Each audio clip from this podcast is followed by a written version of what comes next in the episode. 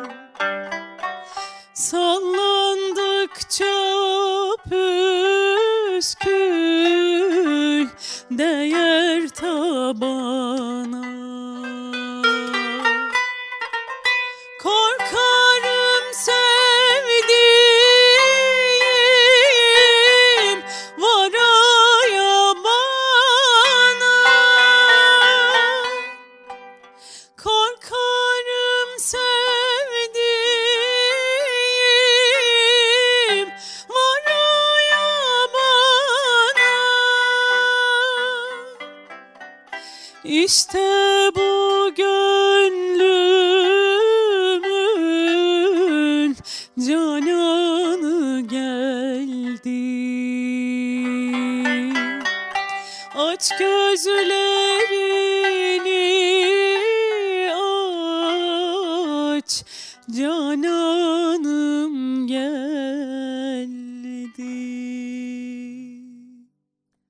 Muhteşemdi değil mi hocam? Çok güzeldi. Teşekkür ederiz. Evet. Özlemişiz. Evet. Yaprak hoş geldin. Hoş Epey bir aradan sonra Evet, nihayet evet. bugün gelebildin. Çok Geçmiş şükür, olsun her çok şeyden teşekkür önce. ederim. Sağ Nasılsın olun. iyisin? Çok iyiyim çok şükür.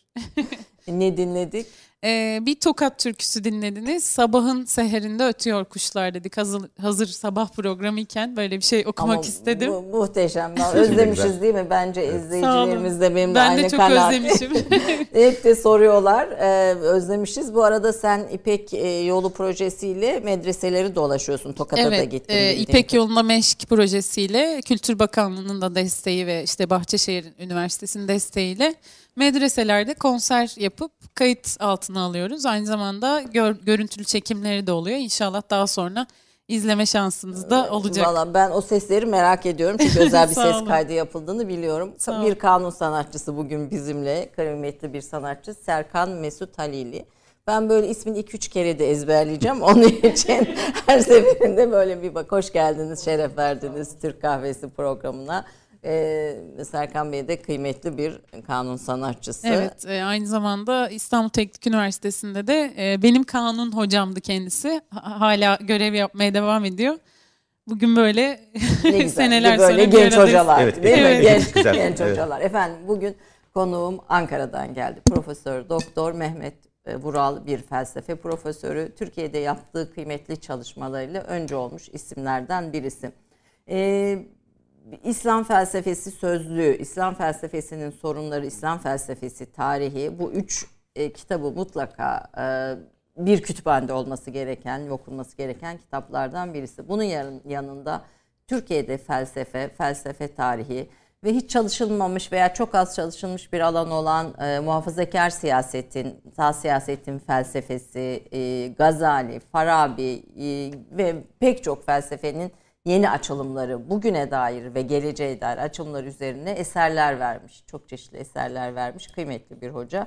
Gene nereden başlayacağım bilemiyorum. Çünkü hocanın e, pek çok sahada e, derinleşmiş çalışmaları var. Ama yine ortaya karışık bir oradan bir buradan böyle hocamın birikiminden mümkün olduğu kadar sizlerle birlikte istifade etmeye çalışacağız. Hoş geldiniz hocam. Hoş bulduk Ayşe Hanım. Teşekkür ederim. İltifattan için teşekkür ederim. Estağfurullah iltifat olur mu hocam bu kadar eser ve e, felsefe eserlerinin bir zor okunan tarafı vardır fakat sizin bütün e, eserlerinizde çevirilerinizde muhteşem güzel bir Türkçe ve gerçekten böyle akan bir e, okumayla izleyicilerimize de tavsiye ediyorum. E, ben böyle buna özellikle de başladım. Şöyle göstereyim diğerlerini de e, dikkatle ve ilgiyle e, okuyorum. Birazını okudum, birazını da e, okuyacağım inşallah.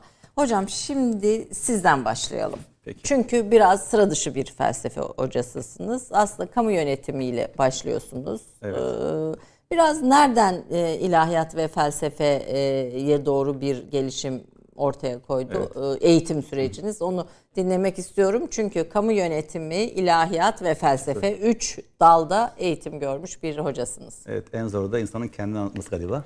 Ee, peki yani aslında ben felsefe okumak istiyordum ama e, muhafazakar bir aileden geldim ve o aile e, felsefeyi dinsizlik, ateizm, pozitizm gibi düşünüyordu. Ve okumamı istemedi. Ben de e, tercihimi yaptım. İstemeyerek de olsa kamu yönetimi okudum. Ama okulumun şöyle bir şansı vardı. Okulumun hem, hemen karşısında e, Ankara İlahiyat vardı.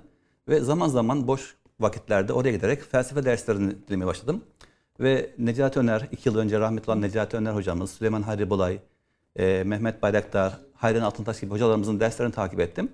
Ve e, e, ilahiyat eğitimi bana ilginç geldi. Çünkü e, Ankara İlahiyat'ın kuruluşu bildiğiniz gibi 1949 yılında kuruluyor. E, ve kuruluş esnasında Hilmi Ziya Ülken program hazırlıyor. E, diyor ki bir ilahiyatçının mutlaka felsefe bilmesi gerekir, sosyoloji bilmesi gerekir, e, psikoloji bilmesi gerekir, insanı toplum tanıması gerekir ve bu dersleri programa koyuyor. Ve ben şaşırmıştım yani ilahiyatta bu derslerin olun, olduğuna ve duayen hocaların olduğuna çok sevinmiştim. Orada yavaş yavaş felsefeye karşı bir ilgim artmaya başladı.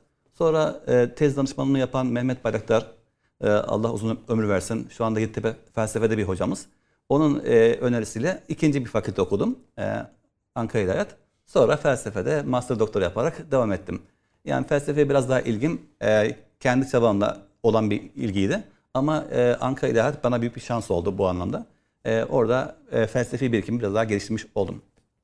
Şimdi sizin bir özgeçmişinizi e, izlemek istiyoruz e, hep beraber. E, ama on, onundan sonra da biraz Hilmi Ziya Ülken üzerine de Peki. konuşarak başlayalım. Çünkü Ankara İlahiyat'ın kuruluşu önemli bir Türkiye açısından. Evet. E, biraz da tabii Osmanlı'da yani bizde felsefe nasıl bir yere sahipti? Fel- e, batı tipi felsefe, e, Batı'nın felsefe e, eğitiminin e, bizde bıraktığı izler neler oldu? Biraz bunun üzerinden sohbete devam edelim efendim. E, Mehmet Profesör Doktor Mehmet Vural'ın eserleri üzerine böyle çok minik bir bir dakikalık bir tanıtım izleyip tekrar döneceğiz.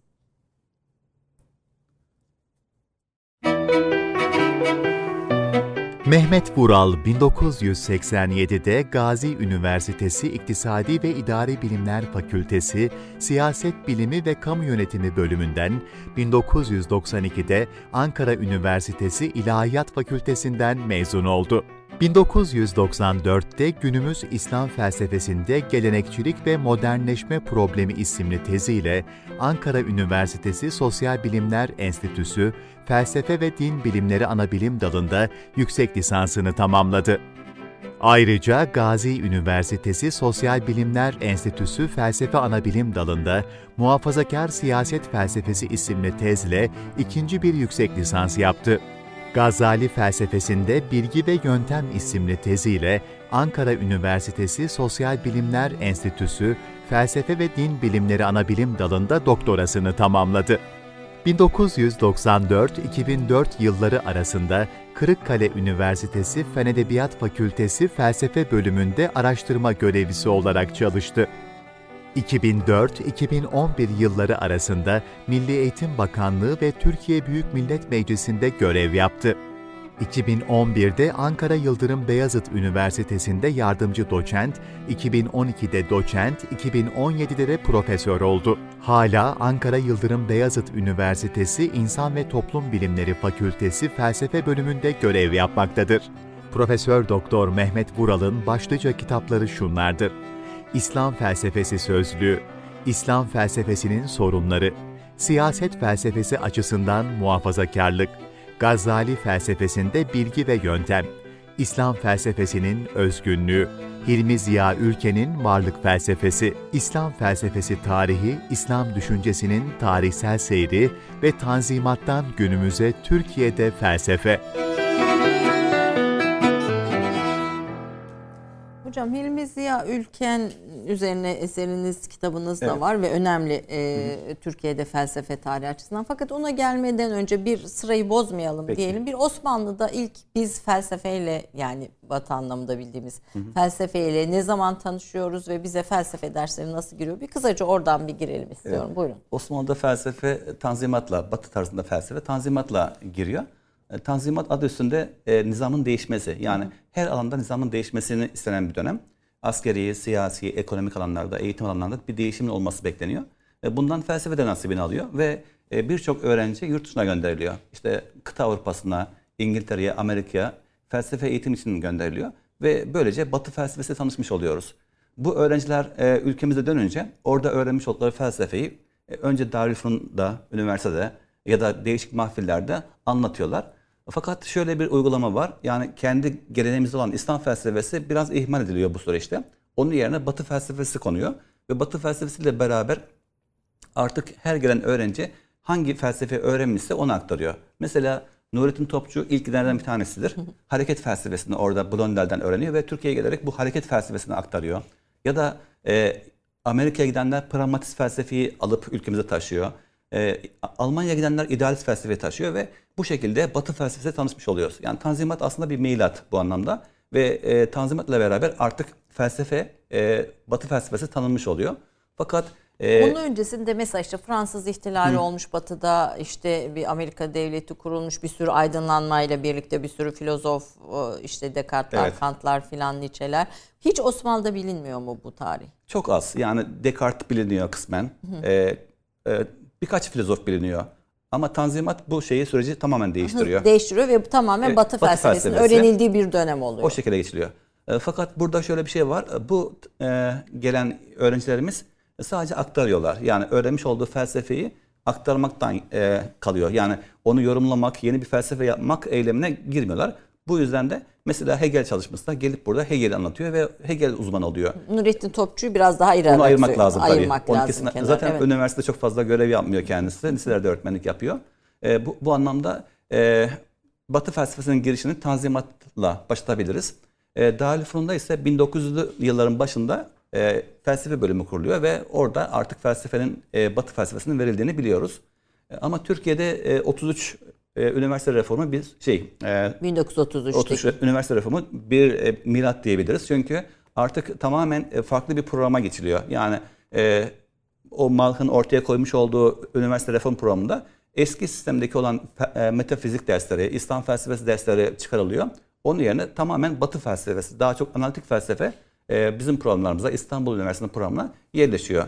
Böyle bir sürecimiz var. Yani Tanzimat'la başlayan bir Batı felsefesi sürecimiz var. Ee, ilk felsefe dersleri 19 liselerde e, 19 ilk fe- 1908'de üniversitede başlıyor. Ahmet Mithat Efendi gibi isimler veriyor. Evet, Mehmet Emin e, Şekil liselerde, Ahmet Mithat Efendi, işte Rıza Tevfik, e, e, Filozof Rıza, e, onlarla başlıyor. Aslında Hilmi Ziya yani Ülke- çok verecek insan da yok yani o Evet, dönem. 3-5 tane ismimiz var. Hilmi Ziya'nın şöyle bir anısı var diyor ki Hilmi Ziya Ülken. Felsefe deyince aklımıza e, filozof Rıza gelirdi. Rıza Tevfik gelirdi. Yani onun heybeti, sakalı, işte eserleri e, imaj olarak o şekilde düşünülüyor. Yani kendisi gençlik yıllarında felsefe deyince aklımıza Rıza Tevfik gelirdi. 3-5 tane ismimiz var. E, ama İslam felsefesi geleneği hala devam ede geliyor. Mesela Babanzade Ahmet Naim olsun, İzmirli İsmail Hakkı olsun. Onların İslam felsefesi geleneği var 30 yılına kadar. Ama 30 yılında onlar da üniversiteden tasfiye ediliyor. Ve böylece artık e, tamamen Batı felsefesine geçilmiş oluyor. E, o- 33'ten sonra İslam felsefesine ilişkin üniversitelerde ve e, Evet. hiçbir şey okutulmuyor. Yok. Ee, özellikle Hans Reichenbach'ın böyle bir yaklaşımı var. Yani İslam felsefesinin e, çok anlamlı olmadığını, e, bir felsefe tarihi olduğunu, bunun tarih bölümünde okutulması gerektiğini bir yaklaşım sergiliyor. Ama bunun farkına varan başka bir düşünür var. O da bir e, batılı. E, von Aster, Ernest von Aster.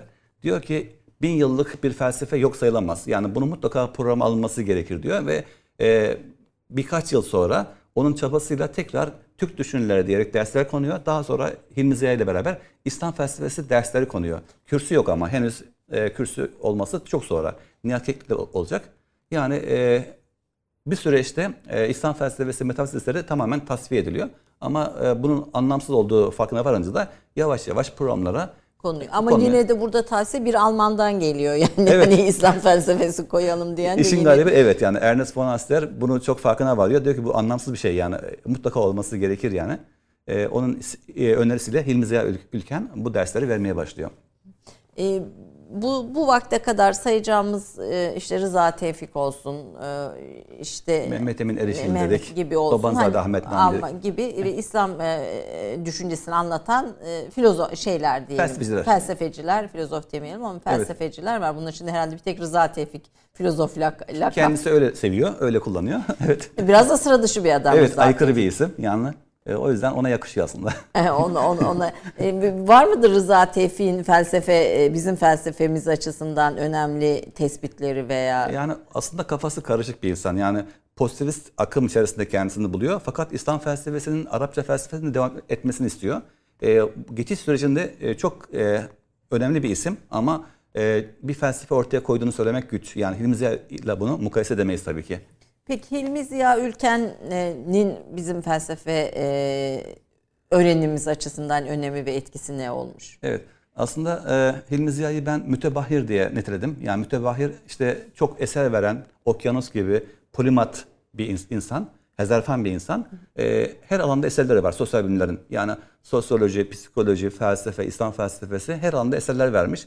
E, Necati Öner onun öğrencisi. Şöyle bir nitelemesi var. Diyor ki Hilmi Ziya Ülken'in üç şeyi vardı. Ya okurdu, ya yazardı ya da felsefe konuşurdu. Hayatı buydu diyor. E, canhıraş bir şekilde ya- yazmaya çalışan bir isim. Ee, onun çabası şu, harf inkılabından sonra köklerimizden koptuk diyor. Bu, kö- bu köprüyü kurmamız lazım. Yani tekrar o Osmanlı'yla Selçuklu'yla bağımızı kurmamız için e, kaynak eserlerin üretilmesi gerekiyor. Ve bu amaçla e, 80'e yakın eseri kalem alıyor. 3000 üzerinde makale kalem alıyor. Çok üretken bir isim. Çabası e, köklerimize tekrar e, dönmek, bir felsefe geleneğinin oluşmasını sağlamak. Ee, ama yaşamında baktığımız zaman İstanbul dönemi biraz sosyoloji ağırlıklı. 60 ihtilalinden sonra e, görevine son verince O 147 profesörün Evet onlardan arasında. bir tanesi kendisi. Aslında şöyle bir anı var. Ee, sabah programda gidermiyor ama Buyurun. e, Muzaffer Özdağ işte e, albalardan bir tanesi. Onun bir kitabını okuyor. Aşk Ahlakı. Aşk Ahlakı e, onun en ünlü eserinden bir tanesi. Şeyi yapan, 60 ihtilalini yapan Evet. subaylardan bir bir tanesi, tanesi. e, diyor ki bu değerli bir profesör. Bunun görevine son vermeyelim. E, Ankara İlahiyat'ın kuruluşunda hizmetleri var. E, programı hazırlamış. Ankara'yı biraz tanıyor. Ankara İlahiyat'a gönderelim diyor. Ve bu şekilde bir Ankara'ya dönüşü var. 60 ihtilalinde görev alması var. E, daha sonra af çıktığı zaman e, izin veriliyor ama kendisi e, yemin ediyor. Bir daha asla İstanbul Üniversitesi'ne ayak basmayacağım diyor ve sözünde duruyor, basmıyor. Yani 60 ihtilaliyle görevine son verilip Ankara'ya gö- Gönderilen. gönderilen bir albayın kitabını, bir subayın daha doğrusu kitabını okumasıyla e, e, Kısmen affedilen yani. kısmen affedilen ve Ankara'ya ile Ankara İlahiyat'a gönderilen bir e, kıymetli profesör ama Türk düşünce tarihi içinde yeri kıymetli. Çok çok önemli bir isim. Zaten onun eserleri bizim için şu anda kaynak eserler. Yani ilk eserlerden bir tanesi. Ee, hatta Türkçe İslam felsefesi kendisi her ne kadar İzmirli İsmail Hakkı'yı, Babanzade'yi ön- e, öne çıkarsa da ilk olduğunu söyleyebiliriz. İslam Ve, Türk Türk İslam yani Cumhuriyet sonrası İslam evet, felsefesi ilk, açısından ilk düşünür olduğunu hatta söyleyebiliriz. az önce ismi geçti Süleyman Hayri Bolay Hoca felsefe e, sıfatı, ünvanı verilmesi gereken bir isim varsa o da budur diyor. Hilmi Ziya Ülkender diyor. Bunu söyleyen birkaç kişi daha var. Yani bu bakımdan e, Batı ile kıyaslayacağımız bir e, filozof olduğunu iddia edebiliriz. Söyleyebiliriz Hilmi Ziya Ülke'yi. Ankara evet. İlahiyat'ın kurulmasındaki payından söz etmiştiniz. Evet. Biraz ondan da söz ee, 49'da yıllar sonra tekrar ilahiyatların açılması düşünülüyor. Ve 49 yılında bir hazırlık başlıyor. Yani bir ilahiyat kuralım. Ee, Ankara'da olsun. Ee, bunun programı yapılırken e, nasıl ders programı yapalım, hangi hocalarımız versin diyerek toplantı yapılıyor. Bu toplantıların birçoğuna Hilmi Ziya Ülken de katılıyor. Onun vurgusu şu. Diyor ki felsefesiz e, teoloji olmaz. E, mutlaka e, felsefe dersleri olması gerekiyor. Bir ilahiyatçının e, kendini savunması için, başka inançlara karşı kendisini ifade etmesi için e, felsefe bilmesi, sosyoloji bilmesi gerekir. Ve bunları ders programına koyuyor. E, koymakla yetinmiyor, kendisi bizzat bu dersleri veriyor. Yani kendisi dersleri veriyor. Öğrencileri Kamuran Birant olsun, başka öğrenci olsun getirerek onlara felsefe dersleri veriyor. Ve Ankara İlahiyatı biraz daha farklı bir formatta oluşmasını sağlıyor. bunun da olumlu örneklerini görüyoruz. Yani Türkiye'de felsefeye baktığımız zaman e, ilahiyat kökenli olup da çok böyle öne çıkan e, Mehmet Aydın gibi, Süleyman Hayri Bolay gibi, Mehmet Bayraktar Hoca gibi e, dünya çapında isimlerimiz ortaya çıkıyor. Bu bakımdan onun çabası e, çok kaydı yani, takdire şayan. Bugüne evet. kadar yansıyan. Peki çok kısa bir reklam arasına gideceğim ama Hilmi Ziya Ülke'nin e, İslam felsefesi açısından durduğu yer, savunduğu tezi böyle bir e, tabii özetlemek çok zor ama evet. yani temel taşlarını en azından e, söyleyebilir miyiz? Onun derdi e, bir Türk Rönesansı, Türk aydınlanması yaratmak. Türk e, Rönesansı evet, yaratmak. Türk Rönesansı, Türk aydınlanması yaratmak. Köklerimize tekrar kopan zinciri kurmak, Selçuklu'yu, Osmanlı'yı çok iyi, daha iyi tanımak ve böylece Türkiye'de bir felsefe geleneğinin oluşması sağlamak. E, felsefe olmadan e, bilim olmayacağını, teknoloji olmayacağını, her şeyin temelinde felsefe olduğunu savunan önemli bir şahsiyet. Bu bakımdan e, Hilmi Ziya Ülke'nin belki de e, Cumhuriyet döneminde öne çıkan en önemli isimlerden bir tanesi olduğunu saymak bence önemli yani. Evet bu program bu vesileyle de bunu an, e, anmış olduk ama Türk Rönesansı oluşturma e, çabasının da önemli bir adım olduğunu Evet. E, bunun da hala aslında galiba e, onun geleneğini sürdürenler tarafından da devam ettiğini söylemek. Evet bir geleneği var şu anda Ankara'da en azından var. Ankara'da. Yani İstanbul Sosyoloji'de bir geleneği vardı ama ne kadar devam ediyor bilmiyorum. Fakat Ankara geleneğinin e, Necati Öner'le beraber devam ettiğini biliyoruz. Evet ne güzel efendim. Böyle geleneği sürdüren hocalarımızın evet, olması. rahmetle evet, anıyoruz. Rahmetle anıyoruz evet. İlmi Ziya Ülken'i. Kısa bir reklam arası ondan sonra devam edeceğiz. Biraz İslam felsefesine, siyaset felsefesine girerek. 30 saniye reklam arası. Türkiye'nin tek haftalık haber dergisi Gerçek Hayat, gündemi yakından takip ettiği dosya ve röportajlarıyla her pazartesi okuyucusuyla satış bayilerinin raflarında buluşuyor. Gerçek Hayat artık sayfalardan dijitale taşıyor. Sayfalara sığmayan yazılar, röportajların perde arkası, interaktif içerikler. Gerçek Hayat artık size daha yakın. Tüm içeriklerden ilk haberdar olmak istiyorum diyenler. Gerçek Hayat, GZT'nin sosyal medya hesaplarına davet ediyor. Reklam arası sona erdi. Efendim Türk Kahvesi'nde Profesör Doktor Mehmet Vural'la bir felsefe profesörüyle beraberiz. Türkiye'de felsefenin e, gelişimini konuşarak başladık. Hocam bir Türk filozofumuz var mı? E, keşke olsa. Yani e, kendisine filozof diyen az önce Rıza Tevfik demiştik. Hı. Ama okullar biraz daha Hilmi Ziya ülkeni gösteriyor. Yani bunu söyleyenler de var. Ee, şu anda Hilmi Ziya'nın bir sözünü aklıma geldi. Hı hı. Necati Öner diyor ki biz diyor halkanın dörtte biriyiz, çeyreğiz. Siz yarım olacaksanız sizden sonraki öğrencileriniz işte dörtte üç olacak. Sonrakiler tamamlayacak bu zinciri. Daha yani var diyorsunuz. Daha vakti var sanki. Çünkü dilimiz e, biraz daha felsefe uygun hale gelmesi gerekiyor. Bir felsefenin e, gelişmesi gerekiyor. E, maalesef toplumumuzda felsefenin çok itibarı olduğunu söyleyemeyiz. Yani şu anda felsefe bölümleri e, kapatılıyor, öğrenci alamıyor. Biraz e, daha tercih mi etmiyor öğrenci? Evet yani çünkü geleceğini düşünüyor, iş imkanlarını düşünüyor ve tercih etmiyor. E, o yüzden biraz daha itibarlı bir konumda olmasını isteriz. Yani aslında felsefe bize ne kazandırıyor peki hocam? Yani felsefenin... E, yani biz felsefe deyince inançların sorgulanmasını hmm. filan anlıyoruz. İşte ateizme giden bir evet. şey ailelerde de sizin ailenizde de olmuş ön yargılarda öyle gelişiyor. Ee, e, nedir felsefe deyince biz ne anlamalıyız? Evet, yani felsefe Ayşe eğitimi bize ne kazandırıyor daha doğrusu? Evet. Ee, en zor soruyu sordunuz. Felsefe nedir? Ben bu soruyu korkuyordum yani gelecekte. Yok yok bu böyle cevaplamayın. Felsefe eğitimi bize ne kazandırır? Çünkü- yani felsefe okumak Evet. bize nasıl bir bakış açısı kazandırır? Bu daha doğru bir soru. Çünkü Evet. öbürüne bir külliyat lazım anlatmak için. Buyurun. Kesinlikle. Ama şunu söyleyeyim ki e, e, felsefeyi ilk defa bu ismi bize e, isim babası olan Pisagor'du. E, için, içerisinde sevgi kelimesi geçiyor. Bilgelik sevgisi. Filosofya demek bilgelik sevgisi. E, bilimler tarihinde bildiğim kadarıyla başka bir bilim yok. Yani içerisinde sevgi kelimesi geçen başka bir disiplin yok. İşte filosofya daha sonra, sonra felsefe olarak geçiyor Arap dünyasında. Bizde de felsefe olarak geçiyor. E, içerisinde sevgi olan bu bilim e, hoşgörüyü, empatiyi, e, daha geniş düşünmeyi, temellendirmeyi, rasyonel düşünmeyi bize kazandırması bekleniyor. Yani aslında bizden beklenen bunlar, ideal olan bunlar. Ama e, bunu herkes başarıyor mu? Bu eğitimi alan ya da felsefe oku- okuyan kişi hepsi hoşgörülü mü, empati yapıyor mu? E, bunu söylemek biraz zor. Yani beklenen şey bu, ideal bu. E, bunu aslında Necati Öner şöyle de- derdi. Felsefe insana bilgelik kazandırır. Yani ama bu idealdir. Herkesten bunu göremeyebiliriz. Yani çok az istisnalarda bunun ortaya çıkabilir. Yani aslında felsefenin bizlerde sadece düşünce anlamda kalması bir anlam ifade etmiyor. Yani onun biraz daha pratikte, yaşantıda karşılığında olması gerekiyor. Ya biraz uçuk böyle hani sadece fikirsel düzlemde bir şey gibi algılıyoruz biz. Biraz biz öyle yani sanki entelektüel bir şey, e- eylem. Çaba, eylem Ondan gibi. sonra e, tartışıyorsun ama orada kalıyor. E, biraz e, bu batının yaklaşımı. Doğuda öyle değil. Doğuda felsefe içselleştirilen bir şey. Yani yaşamda bunun karşılığı var. E, Sokrates de bunun var. Yani e, sadece e, Sokrates değil, e, bizim Farabi'nin yaşamına bakarsak e, çok bilgece görürüz. Yani hiç mala mülke değer vermeyen, çok mütevazi yaşayan bir insan. O felsefesi içselleştirmiş. E, ama bu ideal yani Öner'in dediği gibi olması gereken bu. Çoğunluk sadece bu felsefeyi e, bir laf ebeliği, üstün gelme çabası, diyalektik yapma eylemi gibi düşünüyor. Bu yanlış bir felsefe yani. e, Bu o- felsefe değil diyorsun. aslında misosofya yani yanlışın felsefesi. Yanlışın felsefesi. Yanlışın da felsefesi Evet. oluyormuş efendim Evet. demek ki. Nasr'ın deyimiyle yanlışın felsefesi olması gereken bilgeliğin sevgisi. Evet. Bu- Bunu bir kazanmaya çalışalım Evet. hep beraber. Şimdi mi, tamam Türkiye'de filo, yani Türk Bulamadık. filozofu yok. Bulamadık. Peki İslam dünyasına geçelim. İslam felsefesi üzerine biraz konuşalım. Çünkü Peki. e, ba- bir- ve bizim tabii bütün eğitimlerimizde de ağırlıklı olarak Batı filozoflarını okuyarak Evet. ve özellikle antik Yunan'dan başlayarak üzerine temellenmiş bir Batı felsefesini okuyarak e, bir eğitim hayatı geçiriyoruz. Ve yani tüm eğitim süreçlerinin içinde de bu var.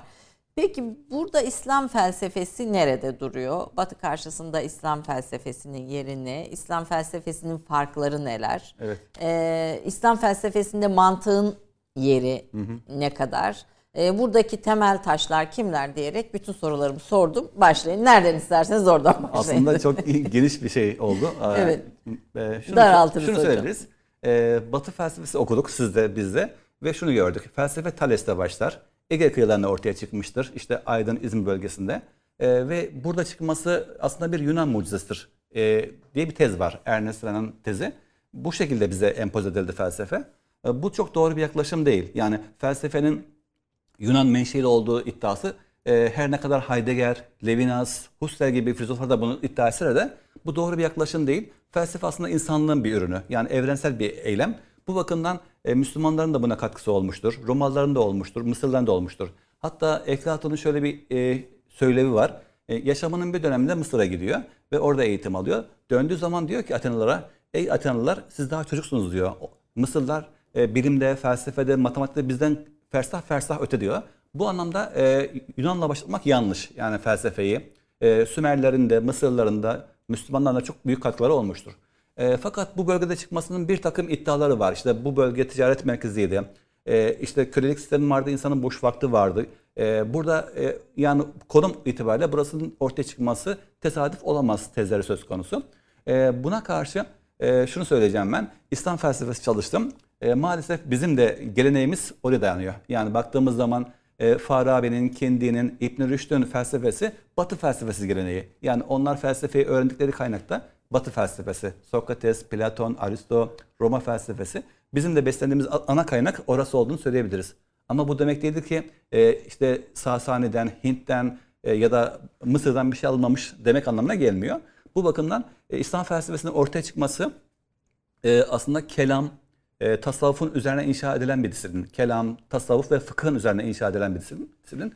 Ve Abbasi döneminde ortaya çıkıyor. Hep derler İslam'da felsefe olur mu diye. Bu soruyu bekledim ama İslam'da felsefe olur mu? E, dinle felsefe nasıl uzlaşır? Evet. E, bu işte bizim filozoflarımız aslında İslam felsefesi e, yapmıyoruz biz. Yani İslam'ın felsefesini yapmıyoruz. Bizim yaptığımız İslam coğrafyasında, İslam kültüründe, İslam medeniyetinde yapılan felsefi etkinliğe biz İslam felsefesi diyoruz. O yüzden adlandırma biraz e, yanlış anlaşılıyor. Hatta e, internette araştırma yapsak e, İslam felsefesi değil de Arap felsefesi daha yaygın kullanılıyor. Arap felsefesi, Müslüman felsefesi, Arapça felsefe çünkü Arapça yapılan bir eylem. Bu bakımdan felsefe e, Arap dünyasına e, sonradan giren bir disiplin. Yani başlangıçta Araplar felsefeyi bilmiyordu. E, bakarsak Arapların daha çok e, ilgi sahası tarih, hatta ensap ilmi ya da şiir, edebiyat seviyor onlar. Hala şu anda bile öyle. Yani bin- 1400 sene geçmiş. Araplar felsefeyi sevmiyorlar. Özellikle e, Yarımada'da bulunan Araplar sevmiyorlar. Onlar için varsa yoksa şiir, edebiyat, tarih, ensap ilmi E, ve hep ayrıksı kalmış. E, kendi dışında çok da şey yok. Öne çıkan bir Arap filozof da yok. Yani saydığımız birçok isimler ya Türktür ya Acem'dir ya e, Kuzey Afrikalı, muarraba dediğimiz Araplaşmış unsurlardandır. Bu bakımdan e, İslam felsefesi daha sonra bizim dünyamıza giren bir eylem. O yüzden ulumul evail diyoruz. Yani eskilerin bilimi. Yani eskilerin bilimini bizler tercüme yaparak kendi dokumuza e, sokmuşuz.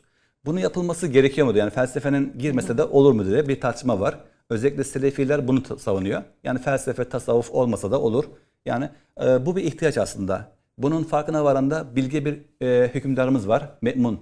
Harun Reşid'in oğlu Me'mun. E, o bunun farkında. Kendisi Merv'de valilik yapmış.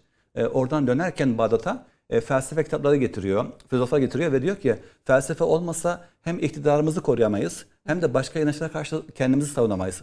O yüzden de felsefenin İslam dünyasına girmesi gerekiyor diyerek 830 yılında Beytül Hikme'yi kuruyor ve böylece İslam dünyasında felsefe girmiş Beytül oluyor. Hikmeyle Beytül girmiş. Hikmeyle, evet. Peki İslam düşüncesinin e, tabii sizin koskoca bir İslam felsefesi sözlüğü kitabınız var. Çok kıymetli. Bu bu sahada tek Türkiye'de yapılmış kitaptır. Şurada alamıyorum ama Teşekkür ederim. arkadaşlar gösterebilirse. Ee, İslam felsefesinin sorunları yine bu çerçevede ve İslam felsefesi tarihi üçlü Evet. bir, bir, e, çalışma bu. Ee, İslam felsefesinde dönüm noktaları olmuş isimler kimler? Gazali yine sizin e, Evet, kitaplarınızda, Hı. çalışmalarınız arasında yer- alıyor ve Gazali'ye de çok büyük önem veriyorsunuz. Evet. Ee, Gazali'nin inzivadan önceki dönemi, e, inzivası ve sonraki döneminde verdiği eserler, çelişkilerini Evet. yazıyor, yazıyorsunuz. Ee, biraz yapı taşları neler olmuş İslam Evet. felsefesinin ve bugüne ne gelmiş? Yani genelde 13. yüzyıldan sonra İslam felsefesi içinde öne çıkan bir isim Pek yok. Evet. Var Birkaç tane mı? var ama az. Evet. Az yok. Evet. Biraz 13. yüzyılda bir İslam felsefesi duraklamaya gelmiş. O vakte kadar kısaca bize böyle kısaca derken tabii Peki. süre, süre azlığı itibariyle önemli yapı taşları neler ve neyi değiştirmişler düşünce e, yaklaşım olarak? Evet Ayşe Hanım. Az önce Türk bir filozof var mı demiştiniz. E, bulamamıştık ama İslam filozofu çok isim var. E, ilk ismimiz Kindi. E, Kindi isimli e, düşünürü biz ilk İslam filozofu sayıyoruz. E, bunu aslında tabakat kitaplarında denk geliyor. Yani İbn Nedim'in fihrisinde diyor ki Felsefü'l Arap yani Kindi'ye bu lakabı takıyor. İlk İslam filozofu diyor. E, kelamdan felsefeye geçiş sağlayan ilk isim Kindi. Kindi bu okulun çok değerli e, ve matematiği e, çok önemsiyor. Aynı Eflatun'un e, akademinin kapısında e, geometri bilmeyen giremez diye bir motto olduğu ifade ediliyor. Bu da onun e, takiben diyor ki insanın 100 sene ömrü olsa e, matematik bilmezse felsefe öğrenemez diyor. Mutlaka felsefe öğrenmek için matematik gerekir diyerek bunu metot olarak ortaya koyuyor. Ve felsefede e, bilim alanında çok çalışmalar olan önemli bir ismimiz. E, daha sonra işte Farabi ortaya çıkıyor. Vaktimiz olsa çok konuşabiliriz bunları. İbn Sina ortaya çıkıyor. Sonra bu felsefelere karşı Gazali'nin bir reaksiyonu söz konusu. Yani eleştirmesi söz konusu. Daha sonra İbn Rüşd'ün e, zirve olarak ortaya çıkmasıyla beraber İslam felsefesinin durağanlaştığı, e, Batılıların deyimiyle kötürümleştiği, e, artık işte yok olmaya mahkum olduğu bir döneme giriliyor. E, 1198 yılı İbn Rüşd'ün ölüm yıl dönemi. E, şöyle bir ifade var Henry Coybe'nin. Diyor ki İbn Rüşd'ü toprağa verirken aslında biz İslam felsefesini toprağa verdik. Yani ondan sonra başka bir isim çıkmadı. Onu aşan bir isim çıkmadı diyerek e, şey belirtiyor. İslam felsefesinin artık sona geldiğini ifade ediyor. Söylediğiniz gibi e, İbn Rüşd'den sonra çok isim yok. İbn Haldun var. E, ya- da işte İran dünyasında Molla Sadra var. E, Osmanlı'da Hocazade gibi isimlerimiz var ama bunlar İbn Rüşd'ü aşan isimlerimiz değil. Yani altın çağını kendiyle başlatıp İbn Rüşd'le e, sonlandığımız bir dönem. Ama e, bu Batılıların yaklaşımı bana göre e, süreç kırılmadı. E, kötü de olsa e, eskisi kadar neşvi neva bulmasa da İslam felsefesi geleneği hep olmuştur ve hep olacaktır. E, Gazali'nin buradaki yeri, önemi yani siz çok e, bu- buna e, önem veriyorsunuz ve Evet. sizinle ilgili aldığım birçok notta da Gazali'nin İsterseniz oraya gidiyor. Gazali'ye mi gidiyor her şey? Gazali'ye gidiyor her Evet, şey. Yani oklar. bir şekilde Gazali İslam düşüncesinde bir atlama mı diyelim, sıçrama mı diyelim veya Batı'yla, Evet. Batı düşüncesiyle uyumlanma mı diyelim. Hani böyle bir süreci başlatan bir isim. Bir devrimci karakter aslında. Evet evet. E, Gazali e, bana göre de İslam felsefesinde değil birçok alanda, kelamda, e, mantıkta zirve bir isim, mihenk taşı. E, zaten herhangi bir konuyu konuşunca hep şunu söylüyoruz. Müteevvelin, müteahhirin. Yani e, Gazali öncesi kelam, Gazali sonrası kelam. Ya da mantık konuşacaksak Gazali öncesi mantık, Gazali sonrası mantık. Felsefe hakeza öyle. Her bilimi e, biz Gazali ile ayırıyoruz. Yani ondan önceki dönemle ondan sonraki döneme ayırıyoruz. Çünkü Gazali şöyle bir eylem yapmış. Akan bir nehir var. O nehrin akışını tamamen değiştirmiş. İşte bu akışı değiştirmesi iyi mi oldu, kötü mü oldu? Sorun burada ortaya çıkıyor. Yani bu akışın bilgi kaynaklarını da sorgulayarak Kesinlikle yani, evet. Bilgi e, bilgi yöntemlerini sorgulayarak değiştirmiş. Evet. İyi ve kötü taraflarını Evet. onların. Yani kimisi Gazali'nin bu akışı değiştirmesini çok yanlış buluyor. Yani diyor ki eğer kendi Farabi İbn Sina'nın açmış olduğu bu meşai gelenek devam etseydi e, Batı'nın yaşamış olduğu şeyleri yani Rönesans'ı, Reformasyonu aydınlamayı biz yaşayacaktık. Gazali buna engel oldu diyenler söz konusu. Bir kısmı da hayır. Gazali doğru yapmıştır. Gazali aslında İslam'a uygun bir felsefeyi öne çıkardı ve bu anlamda onun yaptığı eylemi müspet gören bir yaklaşım söz konusu. E, Benim yaklaşımım biraz daha eklektik. Yani Gazali'nin kısmen hak verdiğim yönleri var. Kısmen de eleştirdiğim yönleri var. Ama şu bir gerçek ki e, sizin de söylemiş olduğunuz gibi e, Gazali bir mihenk taşı. Yani her şeyi dönüştüren bir isim ve e, onun fikirleri çok e, günümüz e, felsefesine ya- yakın bir düşünce. Yani konuştuğumuz zaman bazıları Gazali yaşıyor, yaşayan bir isim düşünüyor. Yani e, bunu çok büyük e, felsefecilerimiz de ifade ediyor. E, Aslında ölüm tarihi 1111 ama e, hala canlı olan bir düşünce. Yani Gazali düşüncesi hala bizim dokumuza işleyen, din hayatımıza işleyen e, bir e, filozof demeyeceğim ama ünlü bir isim olduğunu söyleyebiliriz. Nedir temel şeyi, temel e, düşüncesinde getirdiği yenilikler, yapı taşları? Hani mantık Evet. ilmine önem vermesi önemli bir e, şey aşama bildiğim kadarıyla. Evet. E, diyalektik düşünceyi, e, Evet. tartışmayı, sorgulamayı, bilgi yöntemlerini araştırmayı gibi e, önemsemesi gibi birçok farklı tarafları da var. Nedir en en e, merkezde Gazali'yi anlamak noktasında? Aslında çok uzun yaşamıyor. 50 yılların başında, e, 50 yaşların başında vefat ediyor. Ama ölmeden kısa bir süre önce otobiyografisini kalem alıyor. El Munkız Minet Dalal diye. Sapkınlıktan Kurtuluşa isimli bir kitabını. Orada onun yaşamış olduğu değişimleri, dönüşümleri görebiliyoruz. Anlatıyor çok detaylı bir şekilde. Baktığımız zaman e, şunu ifade ediyor. Diyor ki insan bilmediği şeyin düşmanıdır. Eğer bir şey bilmiyorsak öğrenmemiz gerekiyor. Künhüne vakıf olmamız gerekiyor. Ve bu anlamda felsefenin de İslam dünyasının dokusunda ters olduğunu farkında. Ama diyor ben bu felsefeyi öğreneceğim. Ve için içerisine giriyor. Ee, Birçok felsefe kitabı okuyor ama e, ibn Sina'yı çok önemsiyor. Diyor ki ibn Sina bu işi çok iyi biliyor. Ve onun kitaplarını özetliyor. Danışname isimli kitabını Makasıdül Felsefe diye tercüme ediyor serbest bir tercüme yapıyor. Sonra bu e, tercümeden sonra e, Tehavvüt isimli ünlü kitabını kaleme alıyor. Arkadaşları diyorlar ki Gazali için Ebu Bekir İbn Arabi gibi e, Gazali felsefeye bir girdi bir daha çıkamadı. Orada kaldı. İyi, iyi bir filozof oldu diyorlar. Ya da İbn Sina'nın çok ünlü bir kitabı var. Şifa isimli bir külliyatı var. E, Emre Hazus Şifa diyorlar. Yani burada aslında ironik bir ifade var. Şifa Gazali hasta etti diyorlar. Yani e, çok aslında ince bir şey. E, Gazali aslında e, kendisi felsefeye karşı tavır olsa da e, Grek felsefesine karşı olsa da e, büyük bir filozof. Yani kendisi bu sıfatı çok istemese de büyük bir filozof olduğunu söyleyebiliriz. Mantık dediniz. E, ondan önce mantık çalışanlar gizli gizli yapıyorlar. Hatta mantık isimleri vermiyorlar diyorlar. Mihek diyorlar, mihak diyorlar, miyar diyorlar. Başka isim veriyorlar. Çünkü insanlar e, mantık çalışmayı zındıklık olarak düşünüyor. İşte men tamantaka, tezantaka. Kim mantık çalıştı zındık oldu. Gazali bu anlayışı tamamen değiştiriyor. Diyor ki Tan- Tanrı bile e, Aristo mantığı yani klasik mantıkla konuşuyor. Yani Zebur'a baktığımız zaman, İncil'e, Kur'an'a baktığımız zaman buradaki bütün ayetlerin formları e, kıyas formuna dökebiliriz. Yani e, klasik mantığa dökebiliriz. Bu yüzden mantık olmadan bilim yapma şansımız yok diyor. Ve yazdığı her kitabın girişine en az 30 sayfa, 40 sayfa mantık bölümü ekliyor. Ve ondan sonra artık mantık İslam dünyasında en popüler bilim haline geliyor. Yani daha önce insanların korktuğu, yazmaktan çekindiği bir e, bilim iken E, onunla beraber e, çok büyük bir atılım sağlıyor. Fakat bunu yapması doğru mu olmuştur? E, özellikle İbn Teymiye isimli bir e, Selefi düşünürümüz diyor ki Gazali burada hata yaptı. Yani çünkü Aristo mantığı iki değerli mantık yani sıfır bir mantığı. Bu mantıkla yeni bir şey üretemezsiniz. Sadece hukukçulara işe yarar. Yani e, sen haklısın, sen haksızsın diyebilirsin. Ama e, sosyal bilimlerde, felsefede iki değerli mantık e, çoğu zaman iş görmüyor. Ve insanları skolastik bir düşünceye sevk ediyor. Bunun yerine çok değerli mantık olması gerekiyor diyerek Gazali'nin mantık anlayışını eleştiriyor. Ama çoğunluğun görüşü Gazali iyi ki de mantığı e, önemsedi. ilimlere giriş olarak düşündü. Ve İslam dünyasında mantık artık bilinir hale geldi diyerek savunuluyor.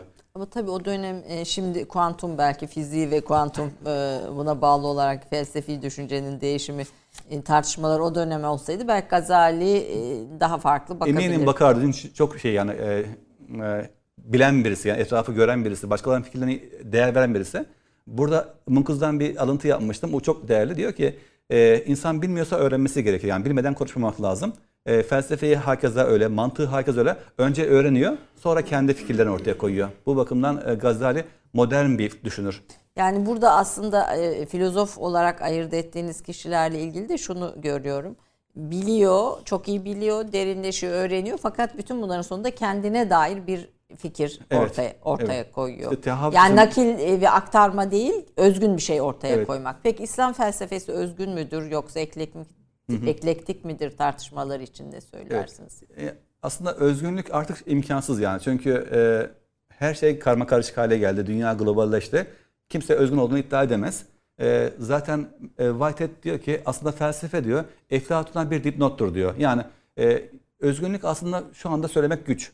E, biz de etkilenmişiz ve başkasını da etkilemişiz. Bu anlamda İslam felsefesinin e, diğer felsefelerden farklı yönleri var. Yani bunları özgün olarak düşünebiliriz. Mesela Batı felsefesinde nübüvvet olayı yok. Nübüvvet İslam'a özgü bir eylem. E, nübüvvet felsefesini temellendirmek bizim filozoflar çok çalışmışlar. Yani Farabi'nin, İbn Sina'nın bu konuda e, nübüvveti temellendirmek için yani muhayyide gücüyle peygamberin vahiy almasını e, çalışmaları var. E, nübüvvet felsefesini özgün olarak düşünebiliriz. Ya da işte e, Gazali çok konuştuk. Gazali'nin özellikle e, e, beş duyudan, akıldan şüphe ederek imanla e, hakikate ulaşma, Sezgiyle. sezgiyle imana ulaşma çabasını e, önemli görebiliriz. Ya da işte e, de, e, Pascal'da çok fazla olan fideizm, iman konusu Gazali'de olan bir şey. Ya da Leibniz'in e, mümkün dünyaların en iyisi bu mudur düşüncesi var. Bunların hepsinin kökeninde aslında Gazali'nin olduğunu biliyoruz. Yani Batı dünyası bunlara çok fazla isim vermeden alıyor ama e, birçok özgün fikirleri, Farabi'nin e, zorunlu varlık, mümkün varlık ayrı başlamak üzere birçok özgün fikirlerin İslam filozoflarında olduğunu söyleyebiliriz. Yani sadece biz e, Grek felsefesini alıp aktarmamışız. Onu almışız, yorumlamışız, dokumuza uyumlu hale getirmişiz ve çok özgün felsefeler ortaya konmuş. E, Gazali'de yine zevk ve yakin kavramı e, mesela burada herhalde bir fa- gene farklı şeylerden birisi, farklı Evet. yönlerden de birisi Gazali'nin ortaya koyduğu e, kav- kavram. Yakin kesinlik anlamını ifade ediyor. Yani bir şeyin e, doğru olduğunu bakarak da e, e, öğrenebiliriz. Bu aynel yakın olur. Kitaptan okuyarak da bunu öğreniriz. İlmel yakın olur. Ama gerçek olan diyor hakkal yakındır. Onu bizzat tat alıp yapmaktır. Yani suyun bu şekilde olduğunu ben ilmel yakın biliyorum. Aynel yakın biliyorum. Ama tattığım zaman e, bu zevk haline geliyor ve bunun tadını ne olduğunun farkına varıyorum. Onun biraz daha derdi yakini hakkal yakın şekilde elde etmek. Yani e, bu aslında çok orijinal bir felsefe Gazali'de. İyi bir iman bilgisi. tabii. İman bilgisiyle, İman tadarak, bilgisi. yaşayarak. Hani dedik ya Batı felsefesi biliyor ama hiç yaşantısında yok. Bizimkilerin derdi biraz daha o felsefeyi yaşamak, içselleştirmek, yaşamımızda göstermek. Aslında böyle olması gerekiyor diyorlar. Yani Evet. Molla Sadr önemli biriydi, e, önemli bir İslam düşüncesinde bir alim fakat yapraktan şimdi bir şey Evet, dinle. çok konuştum ben. Okuyacak kavramına girmişken ona dönmek istiyorum ama Gazali'nin Nizamül Mülk'ün kurduğu medreselerin gelişimine kat, sağladığı katkı medrese geleneğinde ki yerinde altını çizmek istedim. Osmanlı medrese geleneğinde yine sizin notlarınızda vardı. İcazet silsilesi Gazali'ye kadar e, Gidiyor. çıkıyor. Ee, ahiret yaşamını düşünce ve eylemlerde de öne getiren bir düşünür olduğunu söylüyorsunuz. Fani olanın baki olana tercihi. Ama yöntemsel şüphesi e, kesin bilginin iman ile elde edileceği sonucuna ulaştırmış. yani bunu zor- çok zor elde etmiş. Yani hayatında iki defa yaşamış olduğu büyük krizler var. Bu krizler sonucunda elde edilen bir e, yaklaşım bu felsefe. Yani metodik şüphe. E, evet. Değil, gidiyoruz. Musik iptal diyor yö- yönetmeniniz. Ben de hayır giriyoruz diyorum. Ee, evet bu, bu benim dediğim olacak galiba. Buyurun. Ama yaprak ne dinliyoruz? Saadettin Kaynak eseri Nihavent makamında bahar bitti güz bitti diyeceğiz. Peki. Ve baharda bitiyor gerçekten. Güz de bitiyor. Evet. Evet. Kış geliyor.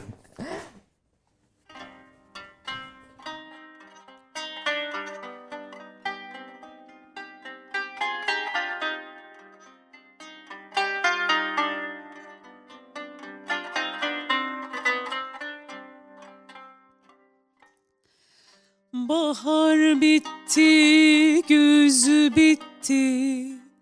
Artık bülbül ötmüyor. Yâre tel çekem dedim. Tel derdim iletmiyor.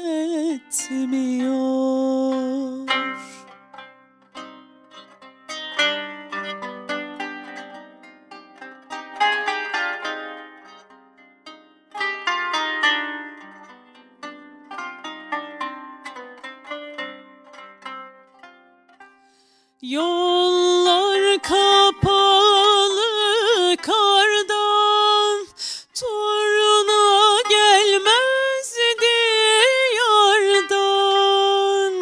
Haber çıkmadı yardan. Bu ayrılık bitmiyor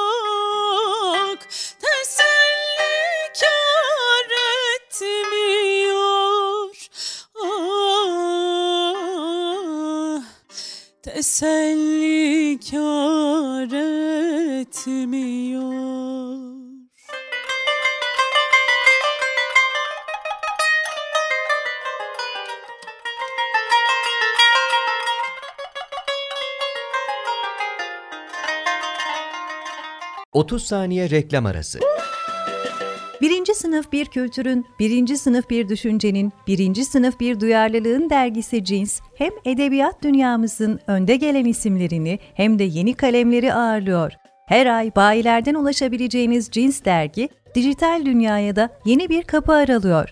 Sayfalara sığdıramadığımız kıymetli yazılar, merak ettiğiniz yazarlarla cins sohbetler, dergiden ekrana yansıyacak röportajlar ve tabii podcast. Şimdi sizleri Cins'i tüm sosyal medya mecralarından ve gezete.com adresi üzerinden takip etmeye davet ediyoruz. Reklam arası sona erdi. Efendim Türk Kahvesi'nde Profesör Doktor Mehmet Vural ile e, Yaprak Sayar ve kanun sanatçısı Serkan Mesut Halil ile birlikteyiz. E, Cumhurbaşkanımızın Amerika'ya gidiş öncesi bir basın toplantısı için habere bağlandık. Şimdi tekrar stüdyomuza döndük. Şimdi çağdaş İslam felsefesi konusunda e, durum nedir? Durum vaziyetimiz nedir? Yani hani tamam e, İslam felsefesinin 13. yüzyılda siz kesintiye uğramadığını e, söyleseniz de zayıf halkalarla devam etmiştir diyorsunuz. Peki bugün geldiğimiz noktada çağdaş İslam felsefesi, Türk İslam felsefesi çağdaş e, e, düşünürler açısından ne durumdadır? Bir onu dinlemek isterim. Peki. Bir de İslam dünyasında felsefe karşıtlığının sebeplerini de konuşmak istiyorum. Niye felsefeye bir karşıtlık var? Ee, Bunun arka planında ne var? Evet. Ee, çağdaş İslam düşüncesi aslında e, altın çağdan sonra bir arayış dönemi. Yani 9. yüzyıllarla 13. yüzyıllar arasında bir altın çağ yaşanmış. Bilimde, felsefede, sanatta. Bu altın çağ bir anda yok olup gitmiş. Aslında bunun birçok sebepleri var. Yani Haçlı seferleri var. Ondan fazla Haçlı seferleri İslam dünyasının siyasi gücünü yok ediyor. Ee, doğudan Moğolların saldırı söz konusu. Moğollar geliyor ve Bağdat'ı ve ilim insanlarını, filozoflar yok ediyor, kitaplar yok ediyor. Yine Gazali'yi çok konuştuk bugün e, andık. Onun olumsuz bir etkisi olduğunu düşünenler var. Yine Selefi hareketler ortaya çıkıyor, Kadızadeliler gibi. Dolayısıyla e, tek bir neden yok aslında felsefenin zayıflamasında. Birçok neden var. Siyasi nedenler var, ilmi sebepler var. Felsefenin ihmal edilmesi söz konusu. Yani özellikle Osmanlı'da bazen fakihler e, bu dersin kaldırılmasını, e, verilmemesini istiyorlar. Fetvalar ortaya konuyor.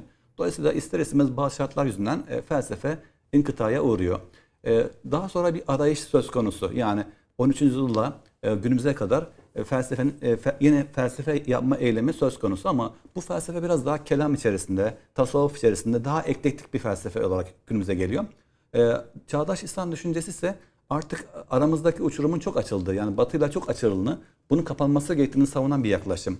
E, bunun, e, bu, bunun farkına varan birçok isim var. Mesela e, uzak Hindistan bölgesinden e, işte Fazlur Rahman, ondan daha önce Cemalettin Afgani, e, onun ekibi Muhammed Abdu bu şeyin e, açığın çok farkında. Diyorlar ki artık İslam dünyasında musavat kalk, e, musavat durumuna geldik. Yani daha önce biz üst iken şu anda onların sömürgesi haline geldik ve e, Seyyid Ahmet Han gibi isimler buna karşı tepki ortaya koyuyorlar. Yani bir bakıma Hindistan'ın işgal edilmesi, Mısır'ın işgal edilmesi çağdaş İslam düşüncesini e, tetikliyor. Hı hı. Ve sömürge karşıtı bir söylem gelişiyor. Ve birçok isim yani Kuzey Afrika'da, İran'da, Pakistan'da, Türkiye'de e, öne çıkıyor. Baktığımız zaman klasik İslam felsefesi konuştuk biraz. Hep metafizik ağırlıklıydı. Yani orada konuştuğumuz konular daha çok metafizikti. Çağdaş İslam düşüncesi daha çok e, güncel sorunlarla e, kendisini alakadar ediyor. Yani mesela eski kelamda sadece üç konumuz vardı. E, Tanrı konusu, uluhiyet, nübüvvet ve meat konusu vardı. Eskatoloji konusu vardı. Çağdaş İslam düşüncesi diyor ki artık bunlar e, günümüzde cevap veremiyoruz. Yani e, eskiden dinlerin e, karşısındaydık ama şimdi e, pozitivizm var, materyalizm var, evrimcilik var. Bunlara karşı cevap vermemiz gerekiyor ve yeni bir yeni bir ilmi kelam diye bir akım ortaya çıkıyor. Muhammed Abduh'un, bizim coğrafyamızdan İzmir İsmail Hakkı'nın e, ve birçok ismin e, bu şeye karşı yeni bir kelam geliştirme çabası söz konusu. Hatta şu anda yaşayan e, Yesarül İslam yani Hasan Hanefi'nin e, derdi de bu. Diyor ki biz sanki ashab-ı keyf gibi uykuda kaldık ve uyandığımız zaman elimizdeki paralar artık kalp para yani iş görmüyor. O yüzden yenilememiz lazım. Yani felsefeyi, düşünceyi, kelamı yenilemek lazım. Çağdaş İslam düşüncesi biraz daha e, klasik İslam'dan çok daha farklı bir yaklaşım sergiliyor. Yani çağın sorunlarına karşı e, siz de söylemiştiniz. E, aydınlanma döneminde Fransız devriminden sonra birçok akım ortaya çıkıyor. Ve bu akımların saldırısı söz konusu dinlere. Onlara cevap vermek gerekiyor. Ve bu anlamda çağdaş İslam düşüncesi bizim coğrafyamızda, Kuzey Afrika'da çok çok önemli isimler var. Birkaç tanesini izlemek evet, sayabilirim. Evet, en azından yani, izleyelim ve evet, oku, oku, mesela, kitaplarından e, Kuzey da Afrika'da olursa. Cabiri, yakın zamanda e, vefat eden Cabiri, Hasan Hanefi, Nasır Hamid Ebu Zeyd bunların iddiası biraz daha e, İbn Rüşd'ü, akılcı rasyonel felsefeyi e, ortaya çıkarmak. Yani oradan hareketle yeni bir şey ortaya koymak çabası söz konusu. Doğu dünyasından Fazlur Rahman'ı e, diyebiliriz. Tarihsel İslam evet. yorumları söz konusu. E, bizim coğrafyamızdan Cemalettin Afgan'ın fikirlerini e, bir bakıma Türkçeleştiren Mehmet Akif Ersoy'u, Nurettin Topçu'yu andık hareket felsefesiyle. Evet. Mehmet ee, Akif Ersoy'un da Türkiye'deki İslam düşüncesindeki yeri ayrı. Altını çizelim. Çok ayrı evet. Nurettin yani. Topçu ve hakeza evet. öyle. Ee, işte bu e, yapılan eylemlerin bir kısmı Türkçe'ye tercüme ediliyor. Mesela e, bizim 70'li yıllara kadar e, Mısır'dan Seyit Kutup olsun, İran'dan Ali Şerete olsun, e, Pakistan'dan işte e, Fazıl Rahman gibi onların eserleri tercüme ederek bu birikimden haberdar olduk. Şimdi 70 sonrası da bu birikim biraz daha özümsendi ve artık bize özgü fikirler ortaya çıkmaya başladı. E, aslında çağdaş İslam düşüncesi batıya karşı bir bizim de var olduğumuzu söylemeye çalışan bir yaklaşım. Mesela Raci Faruki anmak gerekir burada belki. Onun bilginin İslamileştirmesi tezi söz konusu evet. ama maalesef kendisi e, işte karı şekilde vefat ettiler, öldürüldüler yani. Ondan ortaya koyduğu fikirleri e, Malezya bölgesinde or, e, e, Nakib el Atlas'ın biraz daha e, gün yüzüne çıkarmak, uygulama çabası söz konusu. E, bu, bunun gibi arayışlar söz konusu. Yani Çağdaş İslam düşüncesi e, bir bakıma klasikten çok daha farklı bir kulvarda ilerliyor.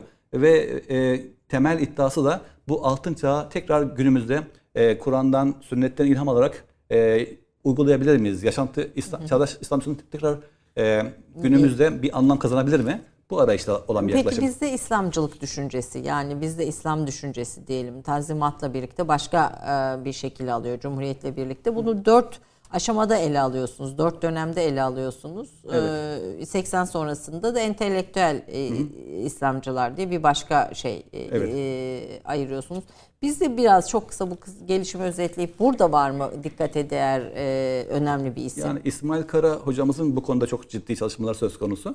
Özellikle bu özümseme sonrasında, 80 sonrasında ise e, Sezai Karakoç'u, işte e, İsmet Özel'i, e, biraz daha edebiyatla iç içe yani entelektüel bir faaliyet olarak bizde öne çıkıyor şeyler. İslam Yani düşüncesi. İslam düşüncesi. İdeolojik olmaktan biraz daha öte. e, İslam'ın temel ilkelerinden hareketle e, yeni bir ses yani işte diriliş gibi ya da yeni bir yaklaşım bu araçlar söz konusu ama e, dediğim gibi e, e, bunu çok böyle batıyla kıyaslayacağımız anlamda e, güçlü değil. Yani henüz o aşamada değil. Ama beklentilerimiz e, konuştuğumuz gibi bu şeyin e, devam etmesi. Yani bu e, çabaların devam etmesi ve özgün fikirlerin ortaya çıkmasını istiyoruz. Bu dönemde dikkatinizi çeken bir özgün fikir olarak bunu kabul edebiliriz diyeceğiniz bir şey var mı? Türkiye örneğinde mi? Türkiye örneğinde. Yani Nurettin Topçu'nun çabası çok önemli. Yani o Blondel'in almış olduğu hareket felsefesini özellikle din, tasavvuf, sosyalizm eklektim içerisinde yeni bir arayış içerisinde söz konusu. Onu bana özgün geliyor onun yaklaşımı. Onun dışında Hilmi Ziya'nın e, o canhıraş ça- çabasıyla Türk düşüncesini e, gelenekle bağlama çabası, Türk Rönesansı, Türk aydınlanması çabası özgün geliyor. Bunun gibi şu anda ilk aklıma gelenler bunlar. yani. Bunlar. Peki çağdaş insan için felsefe eskisi gibi bir anlam ifade ediyor mu? Bugün işte yapay zeka, bilin, gelecekte bilincin e, insandan bağımsızlaştırılarak başka bir düzlemde ele alındığı bir e, dünya tasavvuru ve geldi de hani o Evet. dünya çok da uzak değil zaten oldu da E, çağdaş e, günümüz insanı için daha doğrusu e, felsefenin anlamı e, önemi konusunda ne Evet. düşünüyorsunuz? e, bu konuda e, tarihin sonuna geldiğimizi, sosyal bilimlerde artık yeni bir şey söylemeyeceğimiz tezler söz konusu. Sizin de bildiğiniz gibi tarihin son iddiaları. Hegel'le beraber sistem düşüncesinin sona erdiği, artık felsefenin e, değil de bireysel çalışmaların öne çıktığı yaklaşımlar söz konusu. Yani baktığımız zaman e, işte e, yapay zeka çalışan bir isim e, daha öne çıkıyor filozoflardan. E, modern zamanlarda biraz daha felsefe farklılaştı. Yani felsefe bakışta farklılaştı. Felsefe yapanlar da farklılaştı. Bu anlamda e, benim yaklaşımım e, felsefenin de bu yeni duruma ayak durması gerekiyor. Yani bunun altyapısının kendilerinde olduğunu e, farkına varması gerekiyor. Mesela Newton'un e, fiziğinin temelinde felsefe var ya da Einstein'ın felsefesi temelinde e, felsefe var. Yapay zeka konusunda konuşacak olsak bunun te- temelinde mantık var. İki değerli mantık var. E, Bu anlamda mantıkla felsefeden vazgeçerek e, bilim yapmak, teknoloji üretmek imkansız. Yani e, felsefe ister karşı olalım, ister olmayalım mutlaka hayatımızda olması gereken bir eylem, bir düşünce. Biçimin yöntemi, Yöntemi yöntemleri evet. Evet. itibariyle Evet. Ee, ve hani bu o, e, insanın makinelaşması felsefeden kopması anlamına gelmiyor ve tam tersi başka bir e, belki boyuta geçiyor. Evet mesela transhumanizm konusu, yapay zeka konusunda insanın e, yarı makine, yarı insan olması ya da işte posthumanizm aşamasında insanın e, bedenden kurtularak bağımsız şekilde bir makinede sonsuza yaşaması. Bunlar e, yapılma aşamasında olan eylemler. Bunlar hepsi sorunlar ortaya çıkarıyor. Yani ahlak sorunları, hukuk sorunları, birçok e, değer sorunları ortaya çıkarıyor. Bunların da çözümünü ancak felsefede arayabiliriz. Yani bu konularda. E, bu konu mesela yapay zeka felsefesini, doktora çalışmasını e, Mehtap Doğan çalıştı. Şöyle İlk gösterelim. çalışma Türkçe'de. E, bu konuları biraz daha sorun etti. Yani e, yapay zeka, transhumanizm, posthumanizm aşamalarında ne tür sorunlar bizi bekliyor? Yani bir, bir perspektif çizmeye çalıştı. Evet, bir Me- Mehtap Hanım'ın çalışması kıymetli bir çalışma. Yapay bilincin imkanına dair bir araştırma, tartışma, yapay bir ben mümkün mü diye soruyor. İslam dünyasında felsefe karşıtlığının sebepleri hocam. Biraz Evet. bizde de Tamam, yani ilahiyatlardan kalkması mesela Evet. bir E, konuşmamın başında Necati Öner'den bahsetmiştim. Rahmetli anmıştık. O dil tarih felsefe mezunu. Diyor ki benim hayatımda en korktuğum soru trenle e, Ankara'dan Erzurum'a giderken e, birisinin bana nerede okuyorsun sorusu. Çünkü felsefe demekten utanırdım, çekinirdim. Eğer felsefe dersem ha sen ateistsin, dinsizsin e, hemen o gelecek arkasından. O yüzden e, edebiyat derim, dil tarih derim ama felsefe demezdim diyor. E, aradan yıllar geçti, 50 yıl geçti. Şu anda da çok fazla bir mesafe kat ettiğimizi düşünmüyorum. Yani felsefeye karşı bir olumsuz yaklaşım hala söz konusu. Bunun nedenleri ne olabilir? aklıma şu geliyor. E, felsefe e, yine dedik ya Grek felsefesi politeist bir kaynaklı. Yani e, ilk çıktığı kaynaklar paganların, putperestlerin savunmuş olduğu bir felsefe. Muhtemelen bu bir yaklaşım yani bu insanların e, putperest olması ister istemez e, buradan gelen fikirlerin de bizim değerlerimize karşı olacağı yaklaşımına karşı bir reaksiyon söz konusu olabilir. Ya da işte Süryaniler mesela ilk tercüme yapanlar birçoğu Süryaniler monofizit de olsa e, onların bir şey kattığı yani felsefe yaparken kendi fikirlerini de kattığı iddiası söz konusu olabilir. Ama ben şunu gördüm. E, felsefede ateistler kadar onlardan çok daha fazla teist filozof var. E, işte Spinoza gibi panteist, panenteist düşünürler de var. Agnostik düşünürler de var. O yüzden sadece bizim dünyamızda sanki felsefe deyince e, tek bir açıdan bakılıyor. Yani Bir de felsefe- Hristiyan Yahudi de etkisi var, teolojisinin etkisi Evet, var. kesinlikle. Ama hayat hikayelerinden okursak mesela e, İbn Sina'yı andık, Molla Sadra dediniz, Evet. Sühreverdi. Bunlar çok dindar insanlar. Yani e, hatta Kur'an-ı Kerim'in tamamını hafız ezberleyen, Molla Sadra yalın ayak hacca gidip gelen, hatta o, o yolda vefat eden e, İbn Sina'nın bu eleştirilere karşı yazdığı bir şiir var. Yani bana dinsiz diyorlar ama benim görseller aslında kendileri utanırlar anlamında. E, İslam dünyasında felsefe karşılığı biraz daha e, felsefenin tam anlamıyla kavramamasından ortaya çıktığını düşünüyorum. Yani e, Düşünmek Tanrı'yı kaybettirmiyor aslında diyorsunuz. Fakat Aslında İslam tersi, dünyası evet. Tanrı'yı kaybettirir duygusu içinde. evet yani acaba bu e, serbest düşünürsek, rahat düşünürsek e, bir şey mi kaybederiz, inancımızı mı kaybederiz? O kaygı da söz konusu. Tam tersi aslında gerçek iman, tahkiki iman ya, ya da gerçek temellendirme e, ancak düşünerek, sorgulayarak yapılabilir. Yani insan olmanın en temel özelliği bu. Yani insan hakkında birçok tanım var. İnsan gülen insandır, konuşan insandır, düşünen insandır diye ama bence e, İbn Rüşd'ün ifadesi daha doğru. İnsan diyor metafizik yapan bir varlıktır. Yani insan ister istemez sorgulamak durumunda. Yani hayatı, kendini, eşyayı. Dolayısıyla ister istemez felsefe bizim dünyamıza girmek durumunda. E, bu bizim değerlerimizi, inancımızı da daha değerli kılar. Diğer Diye- türlü takden öteye geçmez. geçmez yani.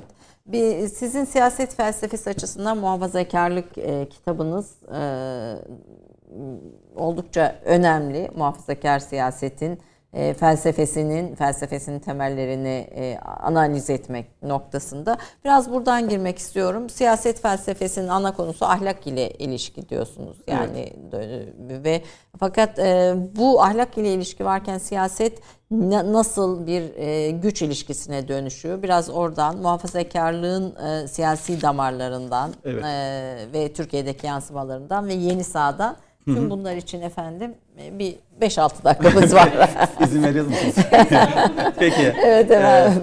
Ee, e, muhafazakarlık aslında adı üstünde. Yani muhafaza muhafaza kelimesi Arapça, kar, Farsça, lık, Türkçe. Bir bakıma bu Arapça, Farsça, Türkçe terkip bile kendisi hakkında ipucu veriyor. Yani bu felsefe biraz daha eklektik bir felsefe, özgün bir felsefe değil. Her coğrafyada farklılaşıyor. Yani Türk muhafazakarlığı, kıta Avrupası muhafazakarlığı ya da Anglo-Sakson dünyanın muhafazakarlığı farklı. Ama ortak yönleri şu, değerlerin korunması, yani ahlakın korunması, ailenin korunması, dinin korunması anlamında bir ortak mutabakat sö- söz konusu. E, bu çalışmada ben Türk muhaf- muhafazakarlığıyla Batı'yı kıyaslamaya çalıştım. Yani bu nasıl ortaya çıkmıştır? E, aydınlanma döneminin bir ürünü müdür diye. E, biraz farklı yönleri var. Mesela e, sosyalizmde, faşizmde, liberalizmde hep bir telos vardır. Yani bu, bunu yaptığınız zaman bize e, bir yol, yol çizer. E, özgürlük olacak, e, eşitlik olacak, kardeşlik olacak, güçlü devlet olacak yaklaşım var. E, muhafazakarlık ise biraz daha retrospektif bakıyor olaya. Yani gerideki şey altın çağa öykünüyor. Yani o değer, onu değer, değerli buluyor. Onu koruyalım diyor. Nostaljiyi, geçmişin o birikimini, şu antika eserlerin korunmasını savunan bir yaklaşım e, adı üstünde muhafaza etmeye çalışan bir yaklaşım. Ama her topluma göre e, farklılaşan, öyle bir yönü de olan bir e, ideoloji demek de e, zor.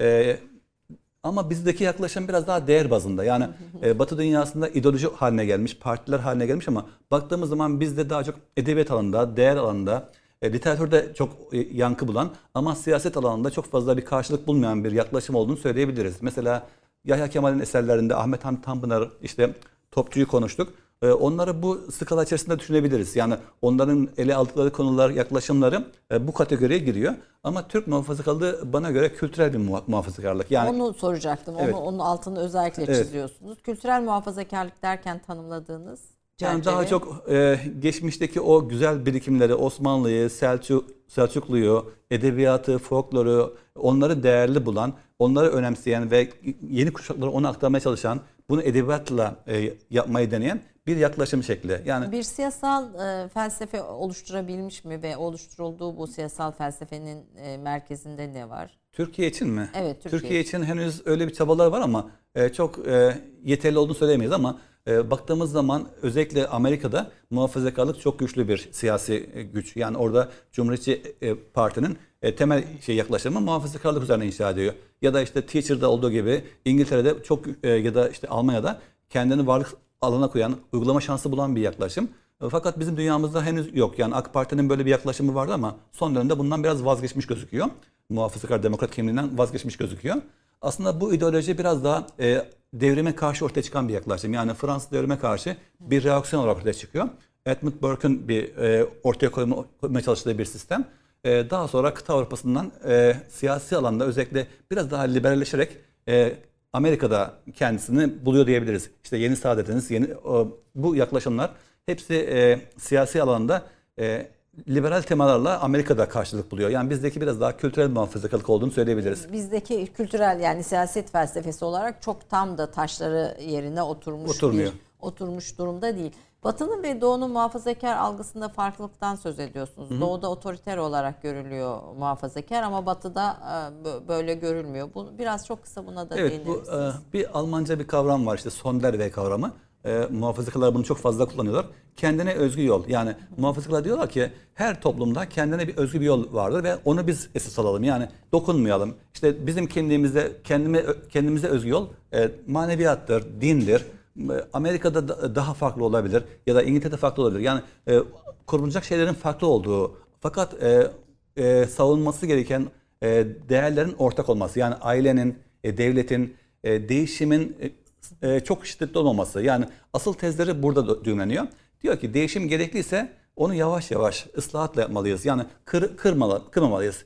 Atıyorum bir vazo düşmüşse onu yapıştırmalıyız. Yani ya da işte bir ağacı budamalıyız. E, çünkü daha gürlenir. Daha onarımcı bir Evet felsefe. yani kökten sökersek Evet. elimizde bir şey kalmaz. Asıl özü bu yani devrim karşıtı de- değişimin çok şeyi götürdüğünü, hayatımızdan birçok şeyi alıp gittiğini ona karşı ortaya çıkan bir e, tepki felsefesi, tepki ideolojisi olarak düşünebiliriz. bir daha mutedil bir yolu. Daha mutedil, bir- evet yani. Bir yolu savunan. Tetrici bir değişimin savunan. Ee, aslında bu daha geniş açılması Evet, gereken yani bir çok- konu ama hani süremiz darlı. Siz de çok hızlı konuşuyorsunuz. Yani bir felsefe Bitirmek profesörü istiyorum. için, bir felsefe profesörü için efendim son derece hızlı konuşarak bütün bunları böyle bize Evet. çok kısa özetlediniz. Daha çok sorumuz vardı. İnşallah başka zamanlarda İnşallah. tekrar konuk Evet. alırız. Lütfettiniz Ankara'dan geldiniz.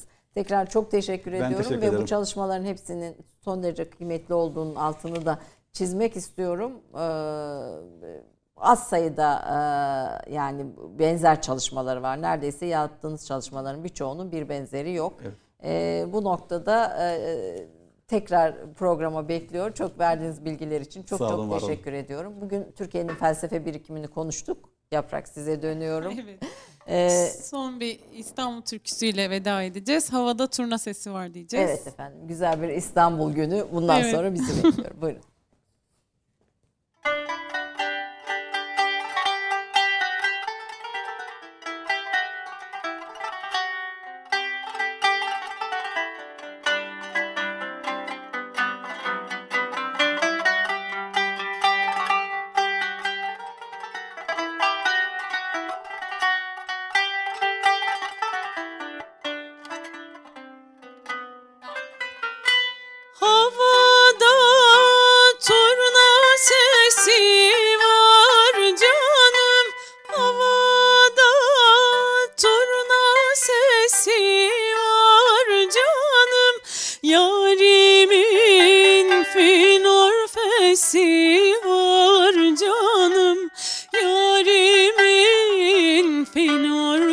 receive.